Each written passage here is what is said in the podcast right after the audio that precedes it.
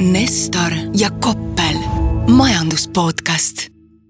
tere kuulama SEB majanduspodcasti, mina olen Redgate Wealthi investeeringute valdkonna juht Peeter Koppel ja minuga on SEB majandusanalüütik Mihkel Nestor.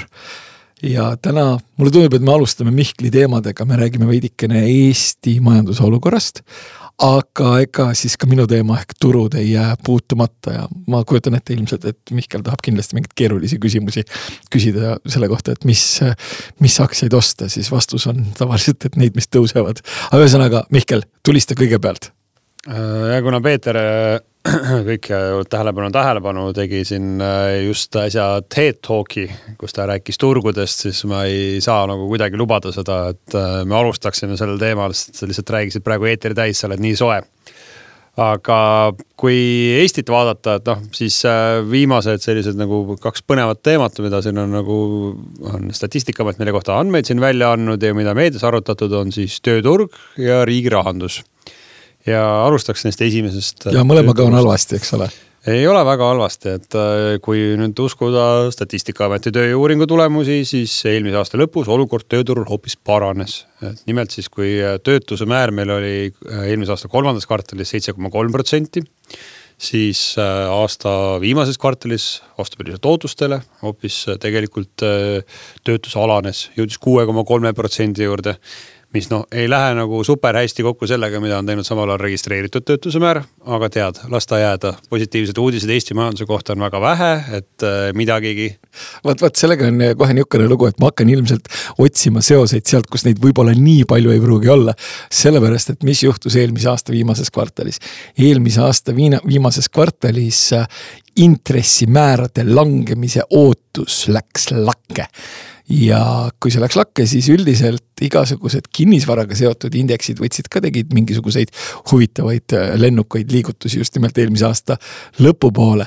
et äh, nüüd siis saab nendele intressimäära ootustega korreleeruvate teemade juurde lisada ka Eesti tööturu ma arvan, et äh, sa ei peaks hakkama üle tõlgendama selliseid asju, et tegemist on siiski Eestis avaldatava statistikaga, mis võib olla jumal teab mis, et äh,. no eks no. ma tegelikult, kui nüüd päris aus olla, ma üritasingi natukene nalja teha, aga vist ei tulnud välja äh, inimesed praegu kõversõna arvavad. aga, aga no lihtsalt võib-olla seda tausta nagu selgitada, et äh, miks need, ütleme siis registreeritud töötuse määr ja Statistikaameti arvutatav töötuse määr erinevad ja, ja võib-olla vahepeal liiguvad nagu erinevates suundades, on see, et äh, noh, Töötukassa on, kui siis sealt lõpuks, et äh, Redgate rahabosside juurest lahti lastakse, et on ju, sina lähed ja kenasti võtad ennast seal arvele, eks aga nagu võib-olla sai noh, nagu piinlik, et sa ei julge sinna minna, et äh, kuidas nüüd Peeter Koppel lasti lahti on ju uue koha pealt. ja sa tegelikult äh, nagu sinna päris ennast arvele võtma ei lähe, oled kodus, aga siis tuleb Statistikaameti küsitleja ja siis temale sa pisara silmil nagu tunnistad, et tegelikult mind lasti lahti ja ma olen töötu. ja sealt peaks tulema siis suur äh, erinevus, et noh, üks on siis küsitlusuuring mida tehakse teatavas suuruses valimis ja teine on siis registripõhised andmed, et kõik, kes arvavad, et on töötud ja selleks kvalifitseeruvad, siis sinna arvele ju lähevad. ma arvan, et küll ainus põhjus, miks ma sinna ennast arvele võtma ei lähe, et ma kahtlustan, et nad enam vist ei paku mingisuguseid kristalliteraapia koolitusi. muidu läheks. no kes siis ei taha kristalliteraapia koolitusi saada no ma ei tea, mingi keevitaja koolituse äkki saaksid, aga, aga noh, suures plaanis ma kardan, et jah, et see valdav põhjus pole siis see, et inimesed ei lähe ennast töötu, töötuna arvele võtma ja, ja see on see suur erinevus seal, vaid äh, pigem on, äh, põhjus on üldiselt selles, et noh, tegemist on küsitlusega, valimipõhise uuringuga ja noh, seal on teatav statistiline viga alati ja, ja noh, need tööturu näitajad meil siin kvartalilt kvartalisse noh, suures pildis räägivad nagu õiget asja muidugi, aga noh, komakohaga seal hakata nüüd ütlema, et meil täpselt oligi just siin eelmise aasta lõpus kuus koma kolm protsenti Eesti tööealisest või tööjõust oli siis ilma tööta, et noh, seda päris öelda ei saa. aga nagu sellega vaatamata, noh, mis on nagu kindel, on see, et, et tegelikult olukord on hea et ka nagu see registreeritud töötuse määr ei ole nüüd jõudnud äh, kuhugi tead mis kõrgele tasemele. et ta ka täna on umbes sealmaal, kus ta oli siis tegelikult eelmise aasta esimeses äh, või selle algusotsas. Äh, tööhõive määr meil endiselt siin kuskil seitsmekümne protsendi lähedal, mis on Euroopa Liidu riikide seas üks kõige kõrgemaid et noh, tegelikult see situatsioon on päris vahva, arvestades vähemalt seda, et mis, mis tunne vahepeal oli, nüüd kui vaatasid, et mis Eesti ekspordi ja tööstussektoriga toimub. ja ja noh, Töötukassa esindajad siin just äh, lugesin mingisugust põnevat intervjuud äh, Töötukassa juhiga, kes siis ütles, et tegelikult, et tema, nende usk on see, et äh, noh, kindlasti need negatiivsed stsenaariumid, mis ennem olid, et need ei realiseeru päris kindlasti. ja et ilmselt on hoopis nii, et lähikuudel hakkab töötus vähenema ja no põnev saab näha, et täna nagu lugeda neid nagu ettevõtete küsitlusi, et mis siis nagu konjunktuuriuuringud teevad, et seal täna ikkagi oluliselt enam on neid ettevõtteid, kes tahaksid töötajate arvu vähendada, kui neid, kes tahaks neid inimesi juurde värvata, kui siin nagu teenindussektor välja arvata.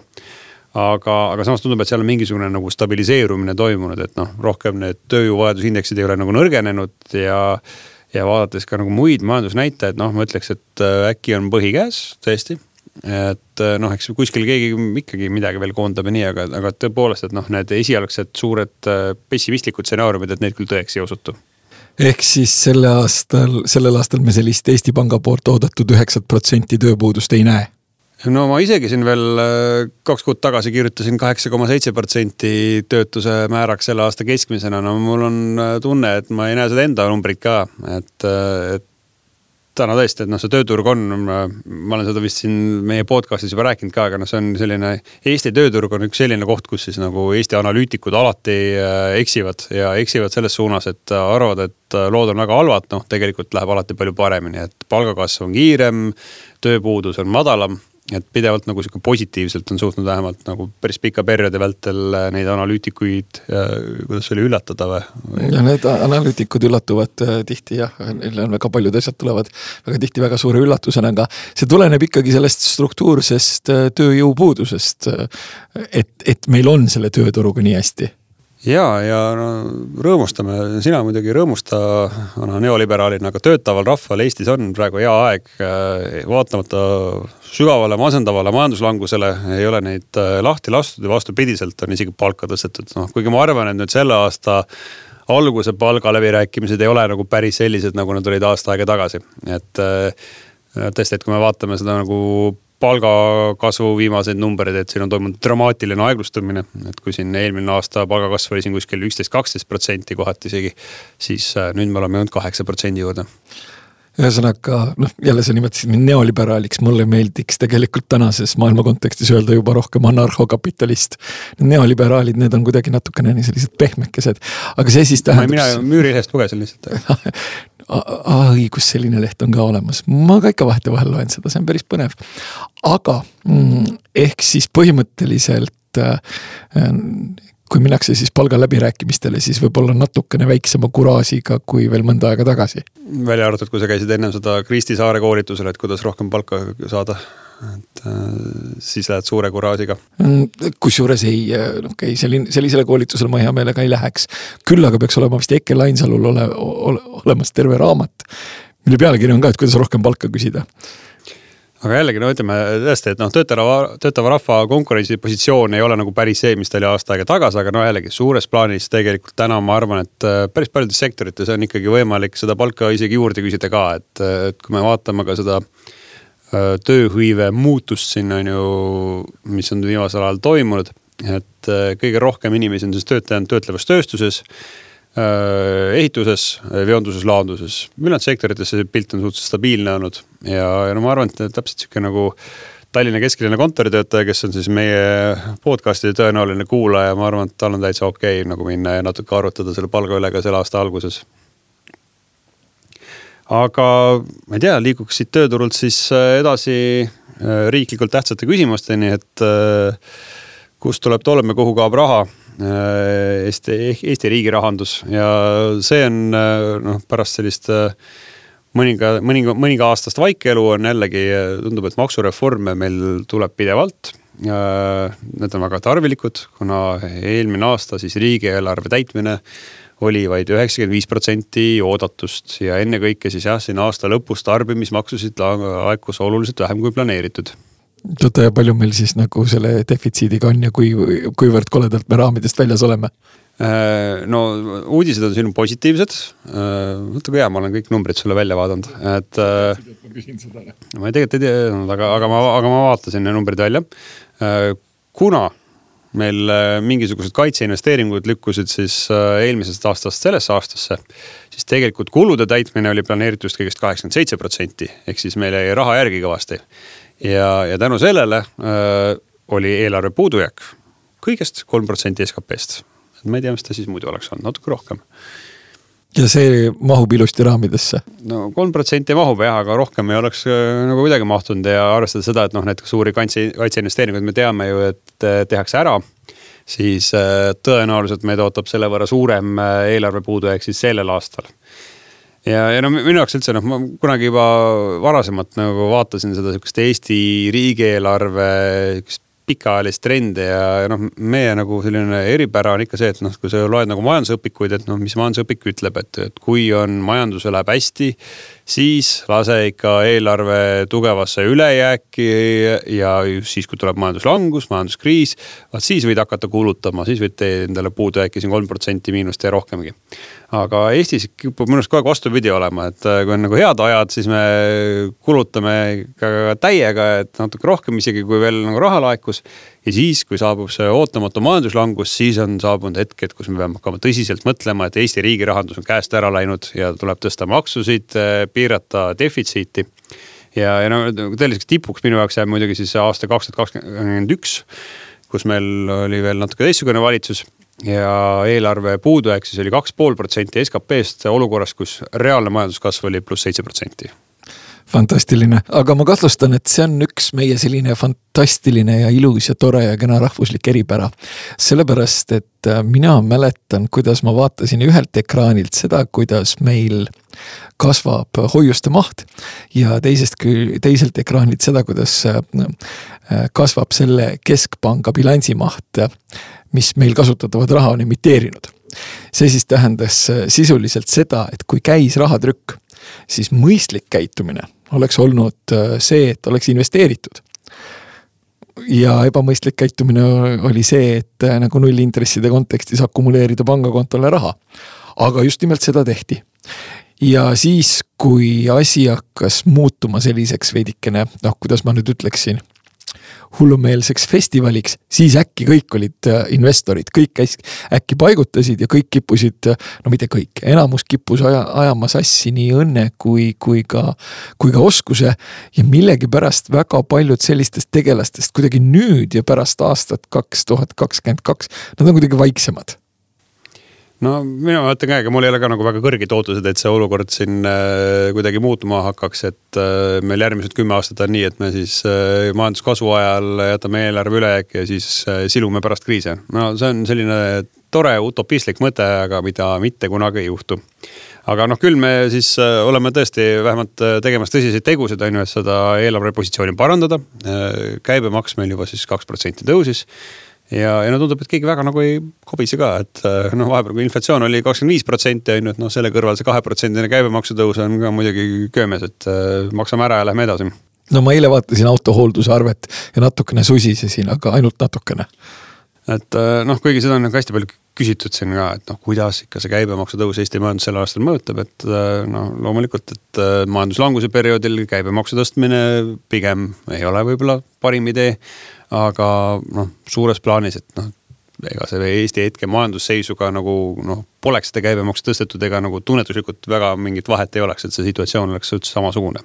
ja vähemalt keegi ei luuletanud seekord seda, et see ajutine saab olema ja, ja no meil maksusid tuleb ju juurde, järgmine aasta tõuseb siis tulumaks, äh, siis äh, noh, mis sinu hinge muidugi eriti kriivib, on siis automaksu kehtestamine, mis äh, vaatamata sinu lemmikerakondade jõulistele pingutustele tõenäoliselt ikkagi need varsti. Need ei ole äh, minu lemmikerakonnad. ära, ära ratifitseeritakse ja, ja tänu sellele me siis lõpuks jõuamegi eelarve tasakaaluni, aga muuseas veel nagu põnev teema, mis ma just lugesin, mida siis valitsus hakkab arutama, on siis äh, võimalusi OÜ-tamise piiramiseks, mis äh, jällegi valusalt, valusalt puudutab selliseid mehi nagu Peeter Koppel. mul ei ole, ole OÜ-dki. no sulle meeldib see ütled, et mina võiksin teha. ja selles kaalutakse tõesti, et ka dividendidele võib-olla äkki isegi sotsiaalmaksu külge panna. noh, sellega on muidugi selline lugu, et ma arvan, et sellise kaalu-, kaalutlemisega võib-olla liiga kaugele ei jõuta ja selle dividendi sotsiaalmaksustamisega ka eriti kaugele ei jõuta. sellepärast, et siis küll leitaks viisid, et seda raha saab ettevõttest välja võtta ka niimoodi, et see sotsiaalmaks, maks, maks maksmata jääb. teine asi, mis võib-olla on tõesti natukene selline anarhokapitalistlik või neoliberaalne lähenemine, siis andke mulle palun andeks, aga ettevõtlustulu peabki olema pehmemalt maksustatud. sellepärast, et selle saavutamiseks on võetud märkimisväärselt rohkem äh, riski. ja ettevõtjad üldiselt on selline suhteliselt haruldase, haruldane nagu liik inimesi. ja neid üldiselt selleks, et ühiskonnas väärtust loodaks ja oleks maksustatavat väärtust, neid võiks nagu ikkagi olla, et päris niimoodi ei ole, et vaatad, et ettevõtja püüame kinni, võtame, küpsetame ära, pistame nahka ja vaatame pärast, kuidas edasi saab. ettevõtjale tuleb paraku teha pai ja mingisuguses kontekstis noh, ütleme just nimelt dividendide, ma, ma suudan endas leida tahte põhjendada, et see peabki olema madalamalt maksustatud kui palk minu jaoks on nagu, ma mõtlesin selle sama mõtte peale, ma teadsin, et sa hakkad mulle rääkima umbes sama teooriat, aga siis mulle, mulle tuli nagu selline alatu mõte, et äh, noh, ja ma olen nagu nõus sinuga, et ettevõtlikkust tuleb nagu premeerida aga et noh, kui ma aastal äh, üheksakümmend üks asutasin mingisuguse autode müügisalongi ja sain äh, siin mõne tootjaga hea diili ja täna nagu noh, see on päris tükk aega tagasi, kui ma selle business'iga alustasin ja mul on seal võib-olla mingi kolmsada töötajat, mina, minu ainus töö nagu selle kogu selle äri jooksul ongi nagu tivikad korra aastas välja võtta, et noh, kas ma kuidagi tõeliselt ja riskin oma naha ja karvadega tegeledes ettevõtlusega, et no pigem ei, et noh, see on mingisugune väga-väga ammused ajad, mis mind siis nagu täna nagu premeerivad, et kui ma olin tubli, tubli ja aktiivne. et äkki seal peaks olema mingi periood, et tead, esimesed kümme aastat, et siis sulle saad preemiat ja siis pärast seda anname, jagame laiali vaestele. noh, siis me jõuame jälle selle nii-öelda maailmavaatelis-filosoofilise küsimuseni, et äh, kellel ja kuidas on õigus võtta kelleltki midagi, midagi ära ja mulle nagu tundub, et viimasel ajal on vibe selline, et väga paljud inimesed, kes ei ole elus noh, nad ei ole võib-olla jõudnud veel midagi teha, sellepärast et vanus algab kahega ja kõrvatagused on veel veidikene märjad. leiavad äh, kuidagi väga kõvahäälselt, et kellelt, kus, kui palju, mida tuleks ära võtta ja, ja siis nad kasutavad selliseid huvitavaid sõnu nagu võrdsus ja solidaarsus, et kuulge, et noored, et soolake see oma solidaarsus palun sisse ja tehke ise kõigepealt enne midagi. ja see, mida teie apologeerite, ei ole mitte mingisugune võrdsus, õiglus ega sotsiaalne õiglus, vaid see on konfiskeerimise apoloogia. ja mul, ma täitsa usun, et teile väga endale ei meeldiks, kui keegi tuleks teie üliõpilase mantlit ja pikka valget salli konfiskeerima ma, mul oleks suhteliselt fine see, kui ütleme, et ma võtan, panen ennast nüüd selle üliõpilase rolli, keegi võtab mu valge salli ära ja siis ma saan nagu mingi kakskümmend prossa Peeter Koppeli net worth'ist, see oleks nagu fine, ma olen nõus selle diiliga. aga. ma, ma ei anna neile mitte midagi, ma. aga ma saan aru, et sinul on sellega probleem. on küll. aga nagu noh kui ma vaatasin, lihtsalt leidsin mingisuguse vana OECD paberi, et äh, kuidas siis äh, OECD-sse kuuluvates riikides dividende maksustatakse, et noh, seal neid maksustatakse iga kandi pealt äh,. Et noh, kõigepealt on sul nagu ettevõtte tulumaks ja siis pärast on äkki veel mingi maks. aga et noh, kui kõik need nagu omavahel nagu arvesse võtta ja kombineerida, et äh, siis tegelikult äh, Eesti äh, dividendide maksukoormus oli siis kümme aastat tagasi. ma ei usu, et see pilt väga palju muutunud on, Slovakkia järel siis teisel kohal, sellepärast et see on nagu väga-väga madal. Et noh, meil on ju ainult siis tõesti tulumaks, samal ajal kui äh, mõned riigid, muuseas, mida, mida sina väga armastad ja tood eeskujuks teistele. näiteks Ameerika Ühendriigid on leidnud, et dividendilt võiks võtta üle viiekümne protsendi ära nende väärtusest noh, Prantsusmaa muidugi on, seal on, seal peaaegu kõik, et seal on kuuskümmend protsenti aga ka OECD riikide keskmine siin oli nelikümmend kaks protsenti on ju kümme aastat tagasi. et äh, kaks korda suurem kui Eestis, et äh, jällegi ruumi maksustamiseks on. Vastupidi, meil on õnnestunud ükskord midagi ka õigesti teha. äkki jätaks selle kuidagi nii? no vaata, ma, noh Eestis on vaata see maksudebatt on kogu aeg olnud selline külmutatud ja no ma olen isegi väga üllatunud, et me räägime siin mingisugusest äh, automaksu kehtestamisest, et eriti kui ma mõtlen meil täna juhtiva valitsuserakonna sellistele äh, dogmadele, siis äh, noh, automaks, äh, dividendide maksustamine ja ettevõtete traditsiooniline tulumaks, et noh automaks tehti ära, dividendidest räägitakse, et kas meil varsti tuleb siis ettevõtetele ka tulumaks tagasi, et äh, ootan põnevusega, et ma ise kusjuures muuseas ütlen ära kohe, et äh, ma võin sel teemal arutada küll, sest et ma leian, et see tänane Eesti tulumaksusüsteem, et kui ta oli nagu väga vinge asi aastal kaks tuhat, siis nagu aastal kaks tuhat kakskümmend neli ta on natukene oma aja ära elanud. see mm, nii-öelda re-, reinvesteeritud täiendava kasumi tulumaksuvabastus on tõesti selline koht, kus mingisugust diskussiooni võiks pidada, aga mis puudutab sinu erakordset optimismi nende äh, maksutõusude ja meie imelise liikumise osas justkui arenenud äh, perede, arenenud riikide peresse, kus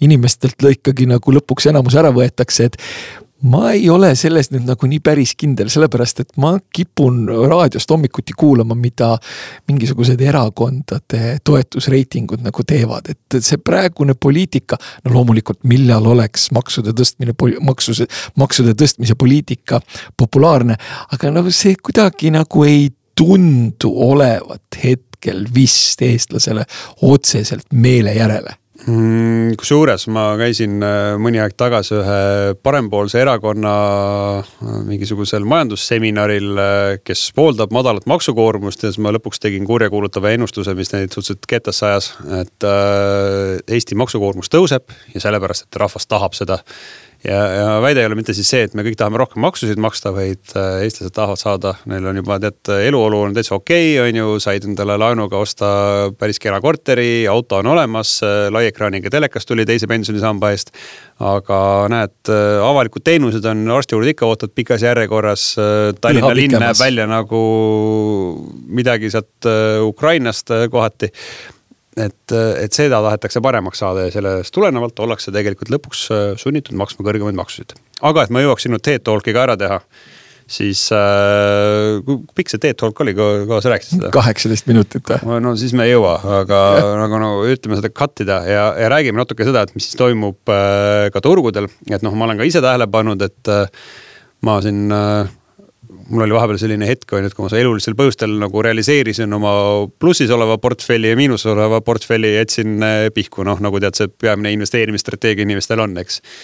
ja, ja siis sellest tulenevalt mul oli siin tükk aega oli, ma hakkasin seda nagu SB viitesadat juurde ostma iga kuu. Ja, ja ma olin tükk aega olin siis punases, aga nüüd on juhtunud see ajalooline hetk siis kuskil nädal aega tagasi, kus mu, mu portfell on juba rohelises. võttes isegi arvesse siin vahepealsed kaotused arenevatel turgudel. Ja, ja see on suuresti siis tänu sellele, et äh, see, mis seal toimub USA aktsiaturul ja ennekõike selle seitsme aktsiaga on äh, väga, vägagi positiivne, vähemalt täna investori vaatevinklist noh, vaata, sa kasutasid sellist sõna nagu investor. minu meelest äh, jah, kui sa mõtled nüüd mingisugusele sellisele tegelasele, kes äh, paigutab indeksisse äh, regulaarselt, distsiplineeritult ja automatiseeritult, no ja mõeldes, et ta on investor, siis jah, põhimõtteliselt küll. aga kui sa mõtled nagu seda üldist turu konteksti, no näiteks seda, et et äh, sul on kolmandik suurest indeksist seitse ettevõtet, sul on veel suurem osa, nii-öelda kümme ettevõtet. sul on kontsentratsioon nii kapitalisatsiooni osas kui sektori osas, kui ettevõtete osas nii suur, siis üldiselt selline asi ei kipu olema turule nagu lõppkokkuvõttes tervislik ükskõik kust otsast sa vaatad, siis absoluutselt kõik, kellel natukene raha on ja kahjuks ka need, kellel võib-olla seda nii palju ei ole, on ennast äh, kuhjanud äh, just nimelt nendesse positsioonidesse. ja sellega on võib-olla natukene sellist Lasnamäe bussi efekti, et äh, Lasnamäe bussis mina sõitsin ka kakskümmend aastat ja mul on siiamaani trauma ja ma enam ei taha. aga seal üldiselt. liiga palju vaesed Peeter Koppeli jaoks. seal üldiselt kippus olema, no kuule, kui ma seal sõitsin, siis järelikult ma olin nendega nii-öelda igatepidi samal pulgal. aga noh, ütleme nii, et äh, seal sõita ei olnud nagu eriti tore, sellepärast. mees, kes vihkab oma juuri. Lasnamäed vihata on minu meelest jumala aus. see on. vabandust, vabandust, ma segasin. see on inimvaenulik keskkond, seal pannakse inimesed jänesepuuridesse elama põhimõtteliselt. Ronald Reagan ütles selliste elurajoonide kohta jänesepuurid ja tal oli jumala õigus. aga et kui need uksed siis lõpuks kesklinnast lahti, kesk, kesklinnast lahti tehti, siis paiskus sealt ikkagi inimesi igas suunas. nii et ütleme, mida rohkem ja mida ülespoole me veel siit läheme, seda ohtlikumaks see mäng muutub. et siin juba olid mingisugused toredad ettevõtted, mis näiteks äh, liikusid ka ainult otse üles ja siis ühe päevaga kukkusid kakskümmend protsenti ja nii edasi ja nii tagasi.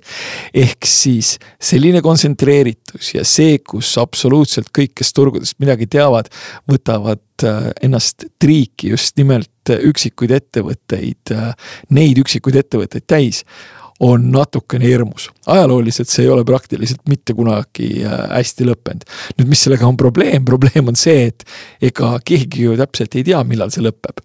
ja kõik äh, loodavad, et nemad ei ole see, kes äh, bussiuste avanedes nii-öelda matsuga nagu vastu asfalti paiskub. noh, kõik loodavad, et nemad ei ole see, aga noh, paraku kui see ühel hetkel juhtub, siis keegi ikkagi on.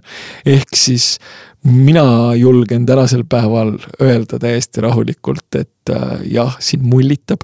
jah, see näeb kangesti eelnevate mullide moodi välja. jah, eelnevatel kordadel, kui turg on olnud nii kontsentreeritud, siis ühel hetkel on tulnud mingi suhteliselt äh, hele laks.